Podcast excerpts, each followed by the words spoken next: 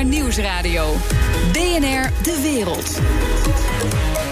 Bernard Hammelburg. Welkom bij het beste binnenlandse programma over het buitenland. Straks, Iran overtreedt openlijk en opzettelijk het nucleaire akkoord. Welk spel spelen de Ayatollahs en waarom? Maar nu eerst. Hulpacties die drenkelingen op de Middellandse Zee redden, hebben geleid tot een vette diplomatieke rel tussen Duitsland en Italië. Die Seenotrettung is keine Straftat. Sie ist ein, ein humanitärer Akt. Und äh, deshalb äh, würde alles, was am Ende nicht zu einer Freilassung führt, glaube ich, doch erhebliche Irritationen hervorrufen. Ik ga daarover praten met Tineke Strik, Europarlementariër voor GroenLinks en universitair hoofddocent migratierecht aan de Radbouw Universiteit. Dag mevrouw Strik. Dag. Veerdiensten voor illegale of zelfs facilitators van mensensmokkelaars worden die hulporganisaties door sommige politici genoemd. Wat zijn ze volgens u? Uh, volgens mij zijn het uh, humanitaire uh, organisaties die humanitaire noodoperaties uitvoeren. Ze, ze varen in de Middellandse Zee om mensen te helpen, om mensen te redden. Omdat er op dit moment geen reddingsacties plaatsvinden vanuit Italië, Malta of andere Europese landen. die Europese landen die hebben de Libische kustwacht gevraagd en betaald om iedereen uit zee te plukken om ze terug te sturen naar Libië. En daar worden ze meteen in de gevangenis, uh, of naar de gevangenis gestuurd in vreselijke omstandigheden. Dus wat die organisaties doen, is uh, mensen die en dreigen te verdrinken, want ze zitten vaak in rubberbootjes, en die ook uh, Libië proberen te verlaten, te redden en te brengen naar een Europees land. Om ze daar ook de mogelijkheid te geven, nou ja, ze gewoon in ieder geval in veiligheid te brengen. en hier gaan ze vaak dan een asielverzoek indienen om, ja, om bescherming te krijgen. Oké, nou, daar zijn er allerlei argumenten tegen. Er is er één die zegt: dit heeft een aanzuigende werking. Omdat die mensen weten dat ze sowieso uit zee worden gepikt, hè, los van de politieke kant, ja, doen ze het makkelijker. Klopt of klopt niet? Nou, ik vraag me echt af of dat klopt. Uh, de tijden dat er, uh, uh, als er niet gered wordt, dan zijn er nog steeds mensen die Libië willen verlaten, omdat het gewoon een, een vreselijke soort van openluchtgevangenis in Libië. Ja, dat, dat, echt... dat, dat, begrijp ik. Maar als je denkt, ik kan dat ook wel doen, want ik word door zo'n mensenrechtenorganisatie wel opgepikt. Die hebben daar geweldig goed die de schepen voor. Ja, ik denk, als ik het zelf was, dan sprong ik bij wijze van spreken zelf ook liever in zee. Want ik dacht, dan komt het wel goed. Ja, maar ja, het, mensen nemen daar wel een ongelooflijk risico mee. Want er verdrinken nog steeds heel veel mensen. Uh, en tegelijkertijd, ook al heeft het misschien een werking dat mensen denken van nou, ik durf het risico makkelijker te nemen. Dan heb je toch niet veel andere keuze dan die mensen toch te redden. Kijk, uh, anders zou je eigenlijk zeggen van weet je wat, om mensen af te schrikken dat te doen, laten we de mensen die nu de zee ingaan gewoon verdrinken. Dan weten de anderen dat ze dat niet meer moeten doen. Uh, ik vind dat niet bepaald de juiste benadering als het gaat om, uh, om mensen op zee. Nee. Er is ook de zeerechtelijke plichten voor, voor landen en ook voor, voor, voor iedereen op zee eigenlijk om mensen die in uh, gevaarlijke situaties verkeren op zee, om die ook meteen te redden. Ja, dat was ook argument van, van uh, die mevrouw, die kapitein van de Sea-Watch en de rechter. die, vrouw, ja. die vrouw moest overigens inmiddels onderduiken. Want zo, ze wordt bedreigd. Ja. Dus dat, het schetst wel de gevoelens over deze kwestie. Natuurlijk, het is een hele politiek gevoelige kwestie. Maar tegelijkertijd uh, leven we gelukkig ook in een rechtsstaat. En de, de uitspraak van de Italiaanse rechter laat dat inderdaad duidelijk zien. Hè? Die zei van. Uh, er is natuurlijk een conflict tussen enerzijds de, de order om niet uh, door te varen naar Lampedusa. Maar anderzijds de, de zeerechtelijke plicht om mensen te redden. En dan heeft het terecht voorrang gegeven aan die plicht om te redden. De rechter zei ook nog eens heel nadrukkelijk. Ze had geen andere keus. Dus ze konden mensen niet terugbrengen naar Libië of naar Tunesië, omdat ze daar geen veilige haven hebben.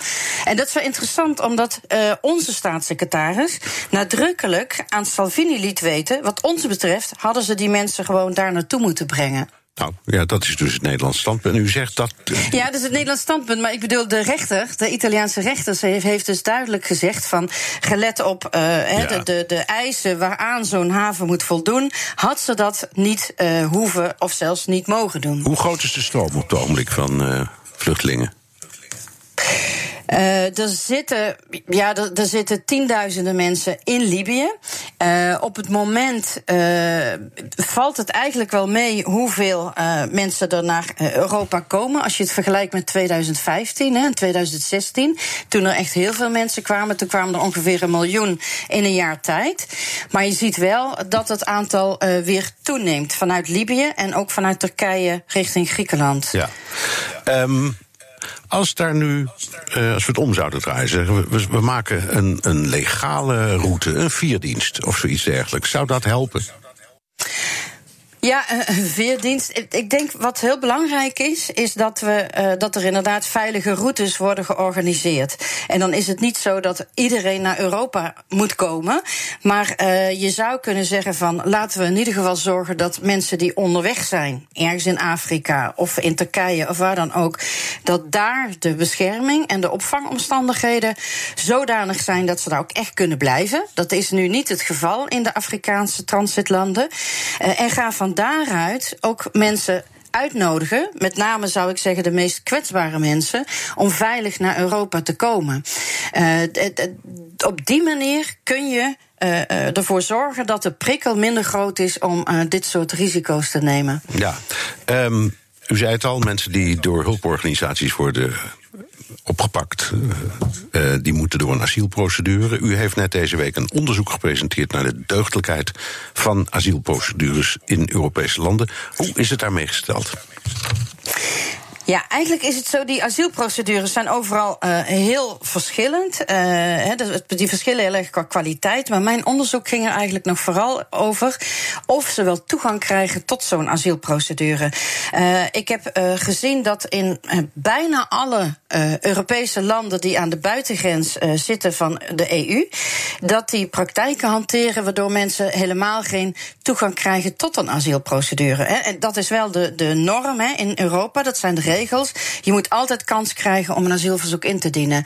Ik zag, uh, nou ja, Polen, Hongarije, Bulgarije, Kroatië, uh, alle landen, eigenlijk Italië, Spanje, die vangen mensen, die proberen mensen tegen te houden, zeg maar, die hun grens benaderen.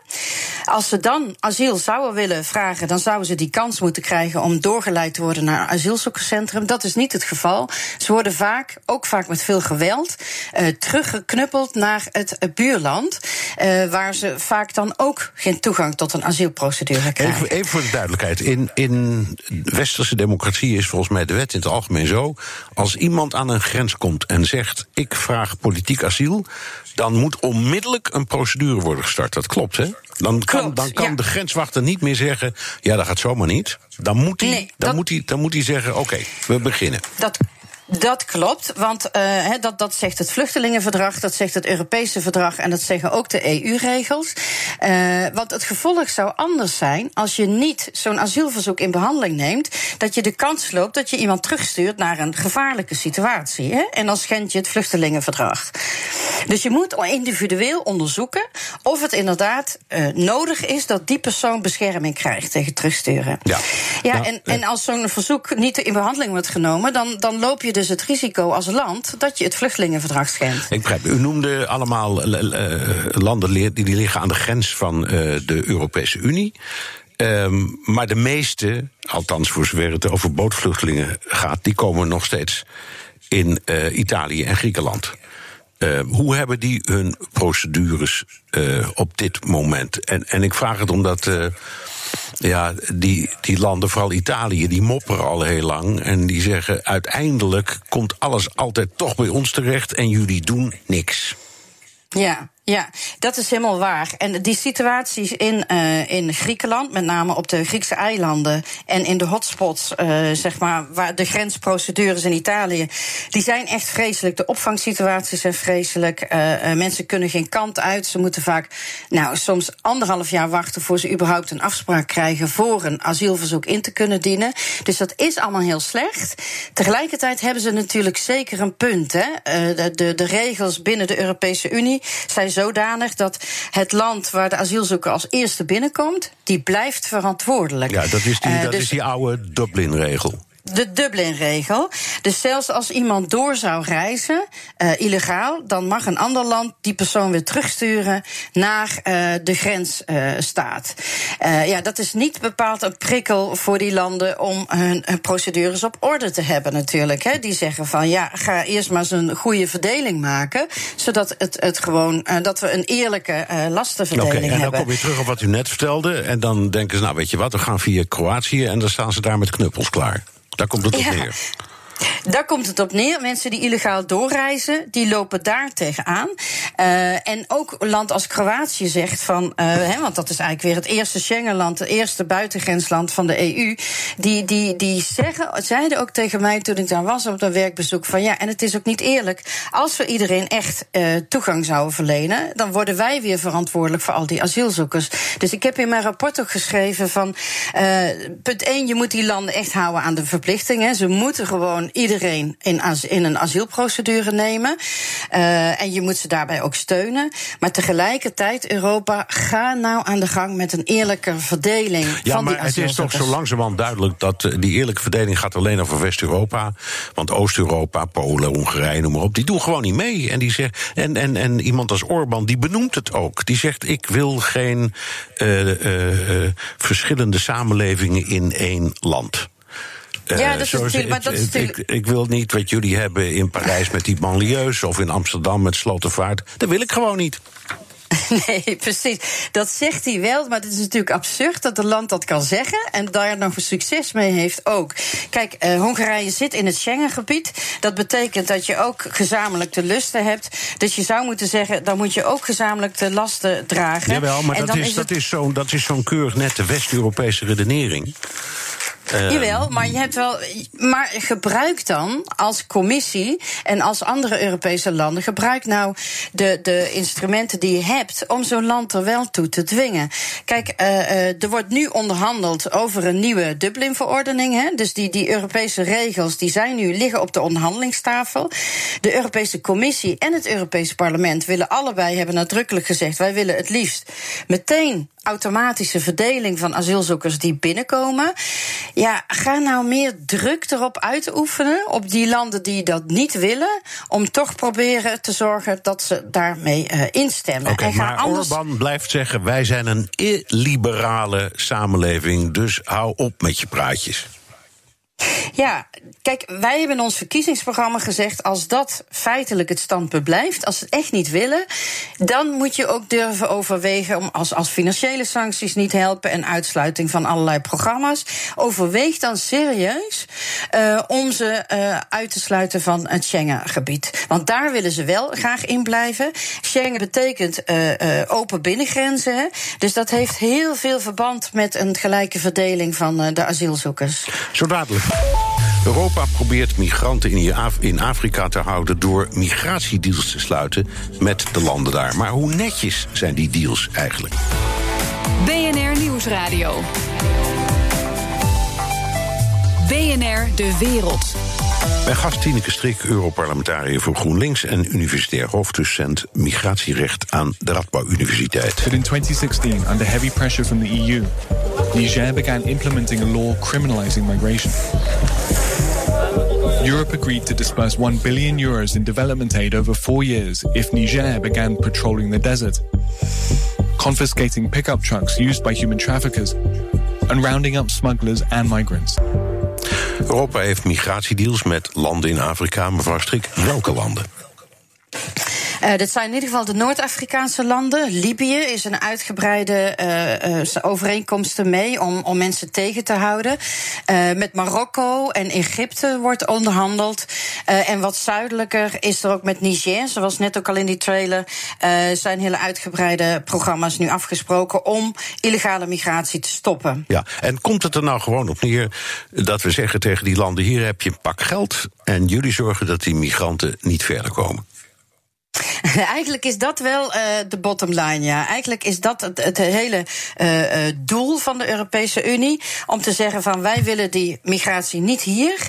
Uh, en ze betalen landen dan om te zeggen van om hun grenscontroles te versterken. en deels om asielsystemen op te richten.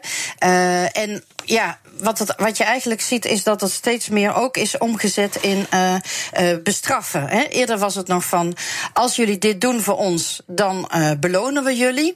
Een paar jaar geleden heeft de commissie gezegd, we gaan het nu ook omdraaien. We gaan zeggen van, als jullie dat niet doen, krijgen jullie van ons geen middelen, geen ontwikkelingsgeld.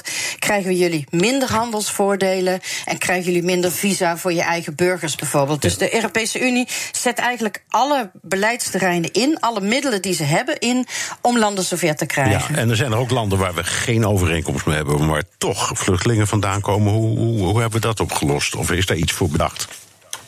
Ja, wat je ziet is dat er eigenlijk vooral overeenkomsten worden gesloten met transitlanden. Hè. Dus dat zijn niet de herkomstlanden, maar dat zijn landen waar uh, mensen doorheen uh, reizen. En die proberen we ook over te halen om, uh, ja, om te, fungeren zeg maar, als een opvangland.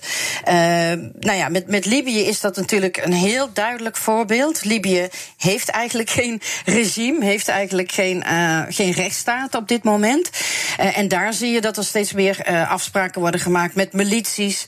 En soms zijn dat zelfs ook milities die zelf mensen smokkelen, maar vervolgens daarna weer geld krijgen van de EU om die mensen tegen te houden. Wacht even, u zegt dus wij betalen geld aan mensensmokkelaars.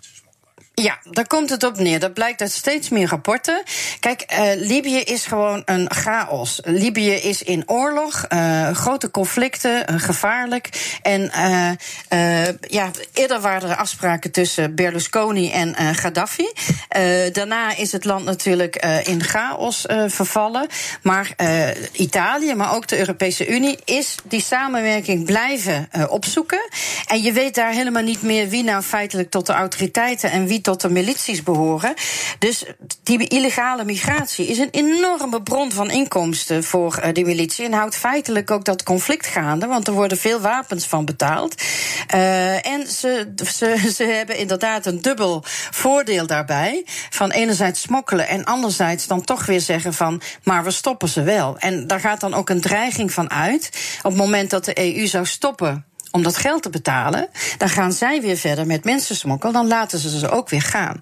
Dus er zit in een soort gijzelingssituatie uh, voor mensen die uh, nou niet bepaald zachtzinnig met die migranten omgaan. Even voor de duidelijkheid, want het is nogal wat, wat u zegt, uh, dat wij, Nederland dus ook, geld betaalt aan mensensmokkelaars in Libië. Ehm, welke aanwijzingen zijn het? Want u zegt, er zijn aanwijzingen dat. Wat zijn de bronnen?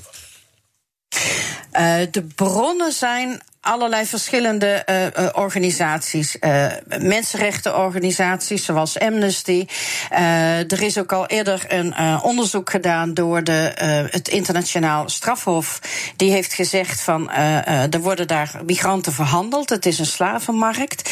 En, maar mensenrechtenorganisaties die dieper op die zaak zijn ingegaan van wie zijn nou die mensen met wie afspraken worden gemaakt, die hebben geconstateerd dat het vaak om dezelfde mensen uh, gaat. Dus enerzijds ja, even, dus- even, want het roept een wat algemenere vraag op. U, u beschreef net uh, andere landen waarmee de deals zijn of deals in de maak zijn of wordt onderhandeld.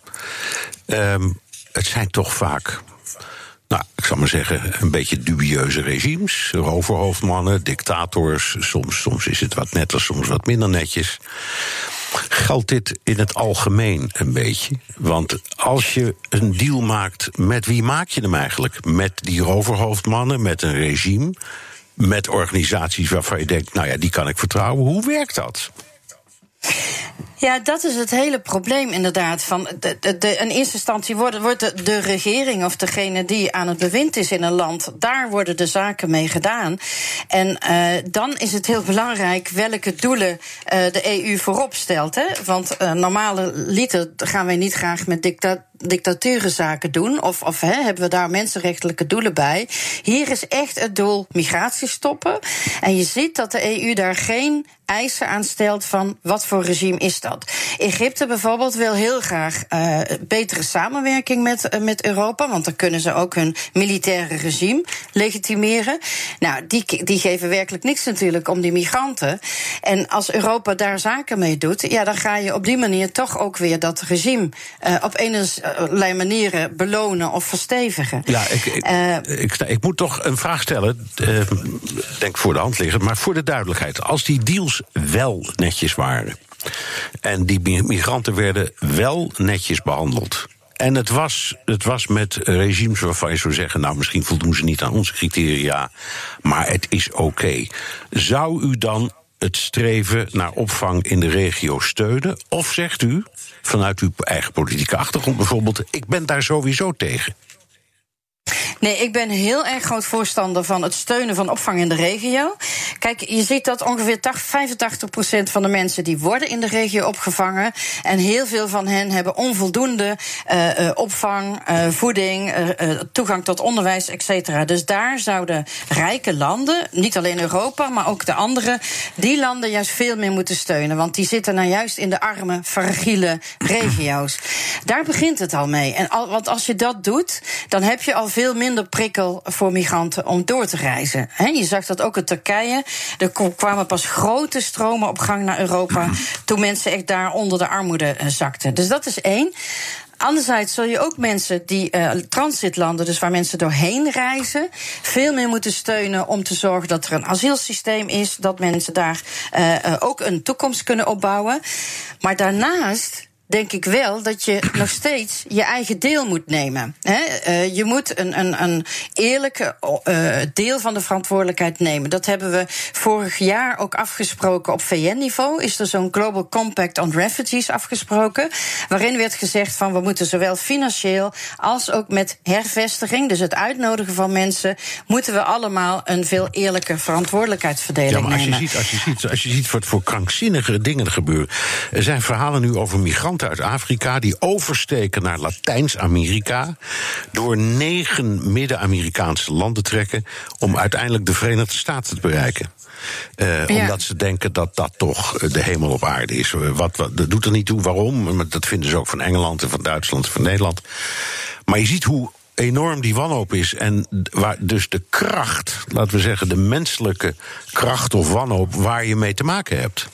Ja, ja, dat is absoluut zo. En uh, uh, onder de mensen die die kracht hebben en, en maar doorreizen, daar zitten enerzijds mensen die zeggen van nou, ik wil de armoede ontvluchten en ik wil ergens gewoon een betere toekomst. En er zitten mensen die vluchteling zijn en echt uh, weg moeten uit het land waar ze vandaan komen. Dat moet je ergens onderzoeken. Dat is precies waar mijn rapport over ging voor de Raad van Europa. Hè. Mensen moeten altijd de kans krijgen om een verzoek te doen om, om bescherming te krijgen krijgen. Die procedures die kunnen heel kort zijn. Die kunnen, die kunnen kort zijn, maar ze moeten wel zorgvuldig zijn. En op het moment dat mensen door al die landen heen zijn gereisd, maar het blijkt uit de procedure dat ze helemaal geen, uh, ja, dat, ze, dat er helemaal geen noodzaak is om hen te beschermen, dan kun je ze natuurlijk ook terugsturen. En dan zou ik zeggen, stuur ze dan terug naar hun herkomstland en niet naar een transitland, waar ze ook weer ergens in limbo verkeren en vervolgens weer zullen proberen door te reizen. Ja. Ja, maar goed, ik, eh, ik denk even mee met de mensen die het doen. Het is voor ons heel makkelijk om dat onderscheid te maken tussen echte vluchtelingen en migrant. Ehm, economische omstandigheden, klimaatomstandigheden. Je kunt ook zeggen, die grens is zo nauw. En wie zijn wij om het uit te maken? Ja, maar goed, het is zeg maar daar... het meest basale uh, mensenrecht. Misschien is het recht om vrij te bewegen. Ja. Om heen te gaan waar je wil. En, en, en, en iedereen, wij en ook u, uh, zegt dus nee, dat kan niet. Daar moet een grens aan. En die opvang in de regio is in principe goed. Maar tegelijkertijd zegt u, dan moet je dus zaken doen met allerlei dubieuze regimes die niet deugen. Een selectieprocedure die bijna niet uitvoerbaar is. Dus ik vraag me dan af, hoe moet het uiteindelijk wel? Ja, ja, u schetst een heel somber beeld. Uh, ik denk dat we veel meer moeten beseffen: de wereld is veel te klein om te denken dat problemen ergens anders wel opgelost kunnen worden. Wij moeten daar gewoon ons veel meer verantwoordelijkheid voor nemen. En nu is de inzet echt uh, afschuiven, tegenhouden, overdragen. En uh, dat is helemaal niet nodig. Wij kunnen wat dat betreft veel meer ook asielzoekers op een fatsoenlijke manier hier behandelen, een goede procedure bieden en ook vluchtelingen die ergens in de regio zijn, maar daar veel te weinig zorg krijgen, omdat die landen het niet aankunnen, uh, uh, ruimhartiger uitnodigen. Tegelijkertijd denk ik echt dat als we met z'n allen he, op, op mondiaal niveau de arme regio's beter steunen om uh, mensen daar ook op te vangen, dat, er, dat mensen ook daar kunnen en willen blijven. Ik, eh, toen in het begin van de eh, Syrische oorlog in Zuidoost-Turkije, toen was ik daar in de kampen. Niemand die eraan dacht om verder te reizen. Iedereen was bezig met het eigen land, want daarheen wilden ze terug. Dus uh, dat idee van ze staan allemaal in de startblokken om naar Europa te komen, ja, dat moet ik echt nuanceren. Oké, hartelijk dank. Tineke Strik, Europarlementariër voor GroenLinks en universitair hoofddocent migratierecht aan de Radboud Universiteit. BNR Nieuwsradio. BNR De Wereld. Bernard Hammelburg. Een ruzie tussen Turkije en de Europese Unie dreigt te exploderen. Een betwiste gasvoorraad onder en rond het eiland Cyprus is het lontje in het kruidvat. In Brussel wordt op dit moment de laatste hand gelegd aan maatregelen die Turkije tot de orde moeten roepen. Jesse Pinsler, wat is er aan de hand met die gasbel bij Cyprus? Er zijn twee Turkse boorschepen, de Fatih en de Yavuz om precies te zijn. En die zijn aan twee kanten van het eiland, aan het westen en aan het oosten, aan het boren naar gas. Het zijn eigenlijk trouwens twee soort drijvende Turkse vlaggen, want ze zijn helemaal rood gemaakt. En dan de maan en de witte ster, die staan er ook helemaal op. Nou ja, Cyprus, en die heeft de steun van de Europese Unie, als lid van de Europese Unie, noemt die boringen illegaal, want het is tenslotte hun gebied. Maar ja, Cyprus bestaat uit twee delen. Een noorden, een landje wat eigenlijk alleen door Turkije erkend wordt en waarvan de rest van de wereld zegt dat het bezet wordt door Turkije. Maar ja, de Turkse regering zegt, jullie boren eigenlijk in een gebied. Nou ja, bij, uh, in het ene geval heeft het niet eens wat met Cyprus te maken. Zeggen ze, het is gewoon de continentale plaat van ons. En in het andere geval komen wij wij Turkije, wij Ankara op voor de Turkse Cyprioten. En er zit echt een hele hoop gas daarin. Dus het gaat echt om heel veel geld en belangen.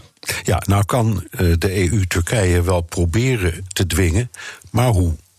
Ja, het conflict loopt al een tijdje hoor. Want uh, nee, Cyprus die was al lang aan het lobbyen onder Europese regeringsleiders van zeg daar nou eens een keer wat van. En dat gebeurde voor het eerst op 9 mei in Sibiu, was dat in Roemenië. Nee, en dat horen we volgens mij eventjes niet. Dat was Donald Tusk in ieder geval, die was daar voor het eerst aanwezig om te zeggen: wij staan achter de Cyprioten en we gaan wat doen. En toen zag je dat er zes, zeven weken later ook echt bij kwam: we moeten maatregelen gaan nemen. Options of measures had hij het uh, toen over. En die maatregelen die zijn uitgelekt via het persbureau Reuters vandaag. Wat willen ze gaan doen tegen de Turken? Ze willen de onderhandelingen die er zijn over wat dan heet een Comprehensive Air Transport Agreement die willen ze stilleggen. Dat komt er eigenlijk op neer dat luchtvaartmaatschappijen kunnen gaan bepalen hoe vaak ze van Turkije naar de EU vliegen. Eigenlijk gewoon barrières worden weggenomen. Nou, die onderhandelingen leggen ze stil. En er moet minder geld naar Turkije gaan. Turkije krijgt geld omdat ze in die toetredingsgesprekken tot de EU zitten al sinds de jaren tachtig. Nou, dat geld dat moet ook maar wat minder uh, worden wat die kant op gaat. En of dat ook echt gaat gebeuren, dat zal maandag dan blijken als de ministers van Buitenlandse Zaken in uh, Brussel bijeenkomen. Durft de EU wel uh, op te treden? Zijn tenslotte ook afhankelijk van Turkije, bijvoorbeeld met het tegenhouden van migranten? Nee, ja, Cyprus en, en de grote boer van Cyprus, wat Griekenland uh, toch wel een beetje is, die hadden veel hardere maatregelen willen hebben. Maar ja, je hebt inderdaad, zoals je al noemt, die migrantendeal. Er zijn ook een aantal EU-landen afhankelijk van toevoer van energie, die door Turkse pijpleidingen gaat. Dus dan zie je dat die maatregelen eigenlijk ja, niet echt doorbijten. Als je bijvoorbeeld dat geld daar uitpakt, er is dan 4,5 miljard voor een periode van zes jaar gereserveerd voor Turkije. Maar ik weet dat er maar een heel klein deel feitelijk overgemaakt wordt. En in Brussel beloven ze altijd dat gaat alleen naar organisaties die zich bezighouden met democratisering, het beschermen van de rechtsstaat. We zullen zorgen dat dat niet bij de staat komt. Dus ja, weet je, het is een maatregel, maar of de Turkse staat daar nou echt bang van wordt, dat valt te betwijfelen. Überhaupt is er iets dat uh, de Turken van plan kan laten veranderen? Hebben we een middel om ze te laten inbinden? Nou, dan moet je met meer komen dan dit. Want er kwam vanmorgen een brief van de, het ministerie van Buitenlandse Zaken in Ankara. Nou, dat uh, was een statement wat er niet om loog. Want ze zeiden echt van ja, wij zijn niet hier de regio aan destabiliseren. Dat doen die Grieks-Cypriotische regering. Die is daarmee bezig. Vervolgens gingen ze uitleggen dat Cyprus nooit lid had mogen worden van de Europese Unie. Dat is illegaal. Griekenland is het verwende kind van Europa. En nou ja, in het verleden hebben ze ook al gezegd: dan heb je westerse oliemaatschappijen die helpen bij die boringen uh, rond Cyprus. Ja, die worden in Ankara dan de bandieten van de zee genoemd. En die zullen ze wel eens eventjes gaan aanpakken. Maar er zijn twee dingen die je toch echt vooral moet onthouden in dit verhaal. Kijk, aan de ene kant heeft Erdogan binnenlandsproblemen. Hij heeft de, de, de burgemeestersverkiezing in Istanbul verloren. Dat was een, een, flinke slag. De economie die draait niet goed en dat is een ander statement. Dus weet je, hij kan wel zo'n buitenlands conflict gebruiken om de boel een beetje af te leiden.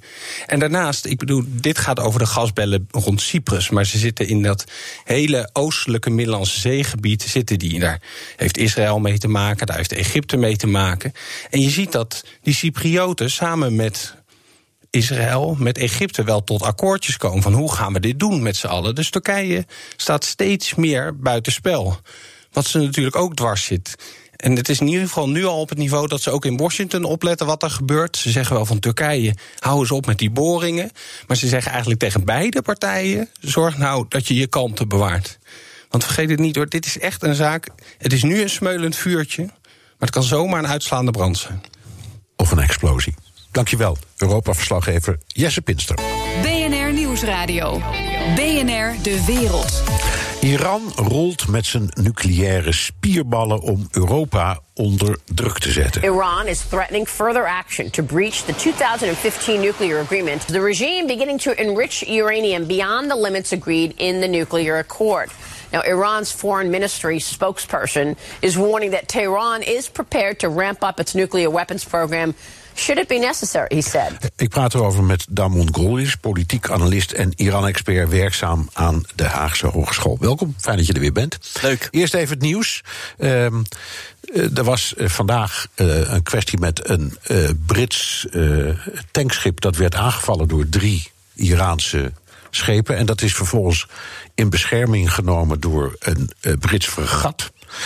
Um, keken we nou naar een een soort van voorstelling? Of was dit echt even een serieus moment en eh, is er uh, aanleiding voor ons om de billen te knijpen? Nou, de Iraniërs hebben wel gezegd hè, dat het dus de Britten wegens de olietanker die dus vastzit. Was een olietanker. In Gibraltar, ja. ja. ja.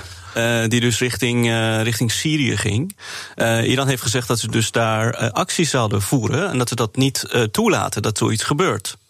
Dat Britten Um, ja, in opdracht van Amerika, de, de, ja, de, de, de, de Iraanse olie die dus niet makkelijk verkocht kan worden. Uh, het vervoer ervan zou tegenhouden. Ja, en dat hebben dus de Britten het, gedaan. Daar, goed, maar het argument van de Britten was: dit gaat niet om een Amerikaans verzoek of bevel. Het gaat om een Europese zaak, want hier worden ook Europese sancties tegen Syrië overtreden. Dat was voor hun juridisch, zeggen ze, de aanleiding. En dat brengt ons meteen op de echte problematiek. Want je ziet, er is een conflict tussen Amerika en Iran, maar Europa wordt daar ingesleurd. Nou, daar heeft dus de voormalige minister van Buitenlandse Zaken van Zweden, uh, Carl Bildt, die heeft daar een tweet gestuurd. Die is best wel uh, bekend onder de, ja. onder de Iraniërs. En voornamelijk de minister van Buitenlandse Zaken van Iran. Die heeft geretweet. Dat, dat uh, ja, maar Iran is toch niet onder sancties van Europa. Waarom zou je dan een tanker van Iran tegenhouden? Dus ehm, tegelijkertijd zie je dat. op nou, dit moment... hier ging het om Syrië. Het ging om het, land, om het ontvangende land, want ja. dat is onder sancties. Ja, en, en Iran heeft nu gezegd, nou, uh, we, zou, we wilden daar een uh, juridische zaak van maken, maar dat kunnen we niet, omdat we met een vlag van een ander land aan het uh, varen waren. Ja, Panama. Uh, Panama, ja. ja. Dus uh, dat maakt het allemaal wat lastiger. en dit laat een beetje zien, dit is illustratief, Bernard, voor wat Iran mee te maken heeft. Iran kan geen olie produceren, kan geen olie exporteren. ziet, er zijn cijfers van 400.000 per dag, van 2,5 miljoen naar 400.000 per dag. Zelfs minder dan dat voor de maanden die er, die er zullen komen. En dat wordt daar voor een groot deel illegaal overgetankt. ergens in de, in de golven zetten ze een transponder uit, zodat je ze niet. Oké. Ship to uh, ship noemen ze dat. Ship to ship, ja. ja. Um, maar de, de, de, achterliggende gedachte van Iran is: Amerika is uit dat uh, akkoord gestapt. Jullie, Euro Europeanen en Russen en Chinezen, maar vooral jullie Europeanen hebben toen beloofd dat je daar niet aan mee zou doen en gewoon met ons zou dooronderhandelen. En dat blijkt Europa gewoon niet te kunnen waarmaken. En waarom zet Iran dan nu toch Europa onder druk? Wat willen ze daarmee bereiken? De. Uh ja, de, de, de, de handelsbanden uh, met Iran uh, vanuit Europa is met 90% sinds een jaar geleden afgenomen. Ja. Um, en we hadden beloofd dat dat niet zou gebeuren toen Trump zich terugtrok uit het uh, akkoord, uit het nucleaire ja. akkoord. Um, ik weet niet, de belofte was misschien wel gemeend, um, maar dat was gemaakt door politici. Het probleem is dus de private sector. Die durft niet de Amerikaanse economie opzij te laten en te kiezen voor Iran. Um, de private sector, de vraag is, hebben politici daar invloed op? Ja, nou, dus heeft de... Totaal bijvoorbeeld zich ja. teruggetrokken uit het, het, neerzetten van een fabriek of Peugeot onder druk? Airbus. Ja. Airbus. Is, en wat is jouw antwoord? Is er, wat, wat, wat heeft zich afgespeeld? Dur, nou. Durven ze het gewoon niet omdat ze denken, nee. ja, die Amerikanen zitten zo overal tussen. Wij kunnen gewoon niet buiten Amerika om. Gaat het om de extraterritoriale ja. sancties waar Amerika altijd mee dreigt? Dat is, dat is precies het punt. Er zijn twee punten. Eén is dus, ze durven niet omdat die sancties zeggen eigenlijk... je moet kiezen tussen Amerika of Iran. Nou, dan is de keuze makkelijk gemaakt voor een uh, private sector, klein of groot. Misschien hele kleine, uh, middenkleine bedrijven, die dus helemaal niet met Amerika te maken hebben, zullen wel in Iran investeren. Maar uh, die andere bedrijven, moet je je voorstellen, als je een softwareprogramma gebruikt, ben je al met Amerika bezig. Hè? Zeker. Ik zeg steeds, als je, als je een schroefjesfabriek hebt in Utrecht en je verkoopt een schroefje aan een koffiemachinemaker in Teheran dan kunnen de Amerikanen zeggen: je overtreedt onze sancties. En dan kunnen ze dat bedrijf in Utrecht of heel Nederland straffen. Zo werkt exact. het. Zo werkt dat. Ja. En uh, dat laat ook zien hoe sterk die Amerikaanse sancties zijn. Er is een ander punt. Dat heeft te maken met het bankensysteem in Iran. Maar ook met het feit dat de revolutionaire garde, dat zijn die uh, militairen in Iran, die ongeveer de helft tot drie kwart van de economie bezitten, met allemaal kleine bedrijfjes, uh, dat zij aan witwassen doen en dat Iran zich niet wil aansluiten bij een uh, organisatie in Parijs, dat heet FATF. Ja. Uh, en dat die organisatie zorgt ervoor dat je dus een, ja, een, een brand krijgt van. Nou, jij doet niet aan witwassen en, en, en het helpen aan van terrorisme. wat financiële zaken betreft. Nou, die twee punten zorgen ervoor dat bedrijven. naast de Amerikaanse sancties in Europa. heel voorzichtig zijn met, uh, met, met onderhandelen met Iran. Europa heeft wel geprobeerd hè, met Instex. Dat is een soort mechanisme ja. uh, om Iran tevreden te stellen. Een rouwbank. Ja. Het, het, dient als een soort bank, maar ook een handelaar en een supermarkt. Uh, maar goed, Iran is daar niet blij mee, omdat wat Iran eigenlijk wil, is anderhalf miljoen vaten olie per dag verkopen. Zo dadelijk. Hoe hoog is momenteel de nood voor de gewone Iraniërs? BNR Nieuwsradio. BNR De Wereld. Mijn gast Damon Golriz, politiek analist en Iran-expert werkzaam aan het aan de Haagse Hogeschool. As the Trump administration continues to ramp up tensions between the US and Iran, the Islamic Republic's once recovering economy is now going downhill. It started last year with the US pullout from the 2015 nuclear deal. Just before the Trump administration reimposed all previous sanctions. Today's sanctions will accelerate the rapid decline of international economic activity in Iran since the implementation of our strategy in May. En gelijk hebben ze, want het is inderdaad een, uh, een economische slachthuis... Hè, wat zich daar voltrekt in Iran. Ja, ja het is, uh, de, niemand had het verwacht dat uh, zelfs de regering niet... zelfs die mensen die al jaren, zoals Zarif, hè, minister van Buitenlandse Zaken... die ruim twintig jaar in Amerika en New York had gewoond... als ambassadeur van Iran in Verenigde Naties... had niet verwacht dat het zo, zo effectief zou zijn, die sancties. de sancties hebben ervoor gezorgd, niet alleen dat de olie-export afnam. Hè, van met meer dan 90 procent. En, en die afname is nog steeds gaande. Maar heeft ook ervoor gezorgd dat. En dat is zo, zo slim geweest, denk ik. Dat de gewone Iranier lijkt niet de Trump-administration of Bolton of Mike Pompeo, die we net hoorden, om die kwalijk per se te nemen dat, dat meet ik aan de hand van mensen die ik spreek. Dat meet ik aan de hand van sociale media. Maar ook Iraanse media, de diaspora. Uh, die vanuit Londen bijvoorbeeld heel veel programma's stuurt. Maar die neemt de eigen regering heel erg kwalijk omdat zij aan mismanagement, corruptie leiden. En die sancties die zorgen ervoor dat dit naar boven komt. Ja, even daarop door. Um, je noemt, we hoorden ze net, eh, John Bolton, uh, Mike Pompeo, de minister van Buitenlandse Zaken. Uh, hun redenering is, en Trump gelooft daar klaarblijkelijk in, als je zo'n regering, zo'n regime, maar strak genoeg onder druk zet, dan krijg je van binnenuit een opstand en dan komt dat regime ten einde en dan komt er een beter regime. Is het niet het omgekeerde? Is het niet zo dat mensen zich verenigen achter hun regering als ze zo onder druk komen? Nou, ik denk dat uh, het tweede stuk van wat jij, uh, wat jij eigenlijk zegt, dat, dat, dat is niet wat Amerika zoekt. Ze zijn niet op zoek naar regime change. En uh, dat, dat denken wij, dat denken heel veel mensen. Nou, ze zeggen het. Bolton zegt met zoveel woorden, hij is uit op regime change. Nou, hij Door de druk op te voeren. Ja, hij zou het wel willen. Maar ik denk dat eigenlijk wat de Amerikanen willen... is dus uh, niet per se een regime change, want dat zorgt voor instabiliteit. Maar wat ze willen is dat Iraniërs aan tafel gaan en zorgen ervoor dat er een deal komt wat vijf gebieden dekt. Dat is het nucleaire programma, dat, is, uh, dat zijn raketten die Iran heeft. Uh, dat zijn de, de westerse gijzel, uh, gijzel, gijzel, nee, gijzelaars die dus vastzitten, de gevangenen. Maar dat is ook Midden-Oosten, oftewel de Sjiitische militia's die dus ja, vechten. Steun aan Hezbollah, steun aan ja. Syrië en dat soort dingen. Ja. Maar regime change, ik denk dat die policy niet volgt. En ik volg het heel nauw. en waarom zeg ik dat? Kijk, om een regime change te hebben, of je nou in verschillende modellen kijkt, dan moet je ook iets doen met een vervanging daarvan, met een ja. alternatief erop. Ja. Nou, daar zijn Amerikanen helemaal niet mee bezig. Nee. En bovendien is het de vraag, daar hebben wij wel eens meer over gesproken, jij en ik, of als er een ander regime zou komen, of dat nou plotseling pro-Amerikaans zou zijn. Dat is nog maar helemaal de vraag. Precies. Ja. Uh, ze, ik denk dat ze wel, wat, wat, ze wel aan het doen zijn, en dat zie je heel duidelijk, maar dat is misschien heel erg, uh, uh, moeten we deze keer of andere keer erover hebben.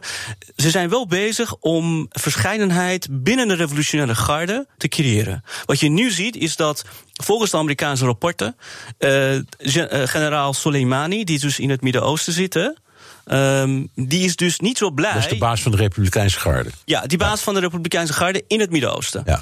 Uh, die is niet zo heel blij met het feit dat uh, Iran, de andere tak van de sport, heeft dus een Amerikaanse drone naar beneden gehaald. En je ziet dus de verschillen. En ik denk dat de Amerikanen daar ook in, mee in gesprek zijn. Ja. Nou ja, het was inderdaad niet handig, het neerhalen van die uh, drone.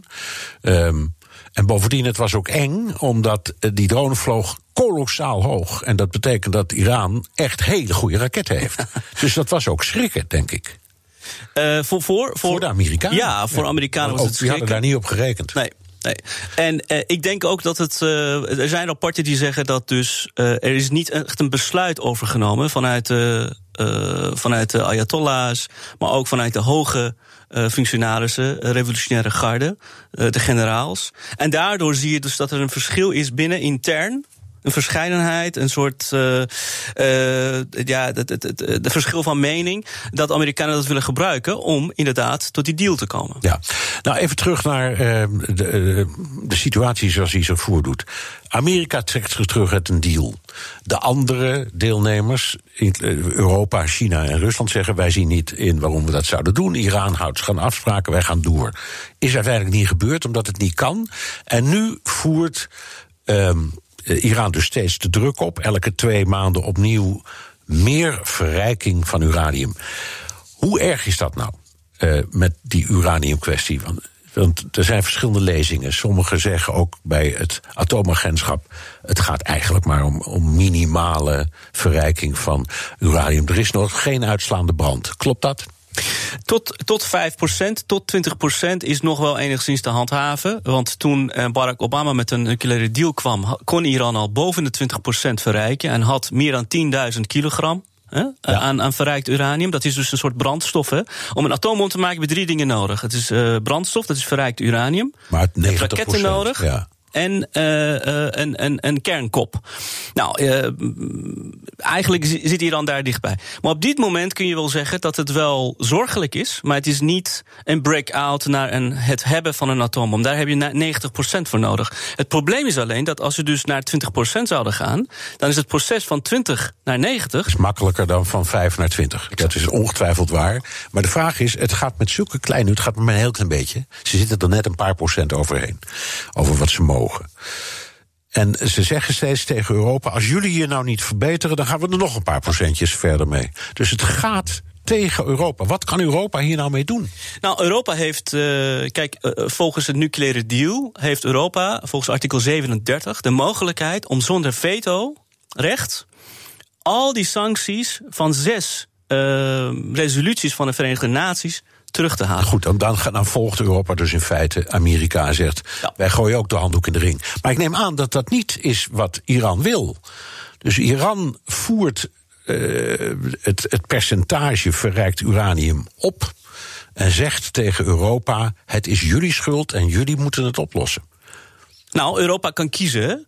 Uh, ja. wil, wil Europa de handelaar, uh, de supermarkt en de bank zijn voor Iran? Om anderhalf miljoen vaten olie te verkopen per dag? Of wil Europa de lijn volgen die dus meer druk op Iran zet? Ja. Als ik en daar goed... zit het een beetje tussenin nu. Ik snap je. En jij ja. zegt, om het heel simpel te houden... die lijn van Bolton en Pompeo en Trump is eigenlijk... om het doel te bereiken waarschijnlijk beter dan wat Europa probeert. Ja. Ja. ja. Um, uh, Europa komt tot die lijn en waarschijnlijk duurt het nog twee, drie maanden. Want Iran heeft nu gezegd: jullie hebben weer 60 dagen de tijd dus ongeveer uh, tijdens de zitting in, uh, in New York. Ja, de algemene vergadering, algemene eind, vergadering eind, september. Van VN. Uh, 60 dagen. En als 60 dagen niks gebeurt, in de zin van dat we, dat, dat we niet kunnen handelen met andere landen, dat we ons olie niet kunnen verkopen, dan gaan we naar 20% Nou, als Iran naar 20% gaat, denk ik wel dan dat we heel anders... gaar. Nee, ja. dat, dat ja. begrijp ik. Ja. Maar um, even voor de duidelijkheid. Jij steunt dus het beleid van de Amerikanen. Ik steun per se niet het beleid van Amerikanen of het beleid van Europa. Ik zeg dat historisch gezien het uh, huidige regime onder druk aan tafel gaat zitten. Ja. En zonder druk denken ze, nou, zitten we sterk in, we kunnen wel verder gaan. En even heel snel nog, maar kan het zijn dat ze door het verhogen van die percentages uranium. dat ze Europa hopen onder druk te zetten dat Europa iets met Amerika onderneemt? Dan zegt jullie moeten wat milder worden. Ik denk dat ze dus dat volgen. Tegelijkertijd proberen ze een manier te vinden, Bernard, om uh, met Amerikanen in gesprek te gaan. Hè? Ja. Uh, ze hebben dus die Libanese gevangenen ja, vrijgelaten. vrijgelaten. Dat, is goed, dat was een reden om bij wijze van spreken gesprekken aan te gaan. Uh, het probleem is dat Trump heeft een model van onderhandeling waarbij hij um, een persoonlijke relatie met leiders maakt en. Ja. En daarmee dus het mogelijk maakt om onderhandelingen aan te gaan. Denk aan Kim, denk aan Japan, denk aan uh, Saudi-Arabië, uh, Israël, maar ook andere landen. Het probleem is dat in Iran kunnen ze dat niet doen omdat ze zo ideologisch zijn. Wie moet met Trump zo meteen gaan zitten en handschudden en, en, en gezelligheid uh, gaan dineren? Gaat niet dat is lastig. Dank, Damon Goris, politiek analist en Iran-expert, werkzaam aan de Haagse Hogeschool.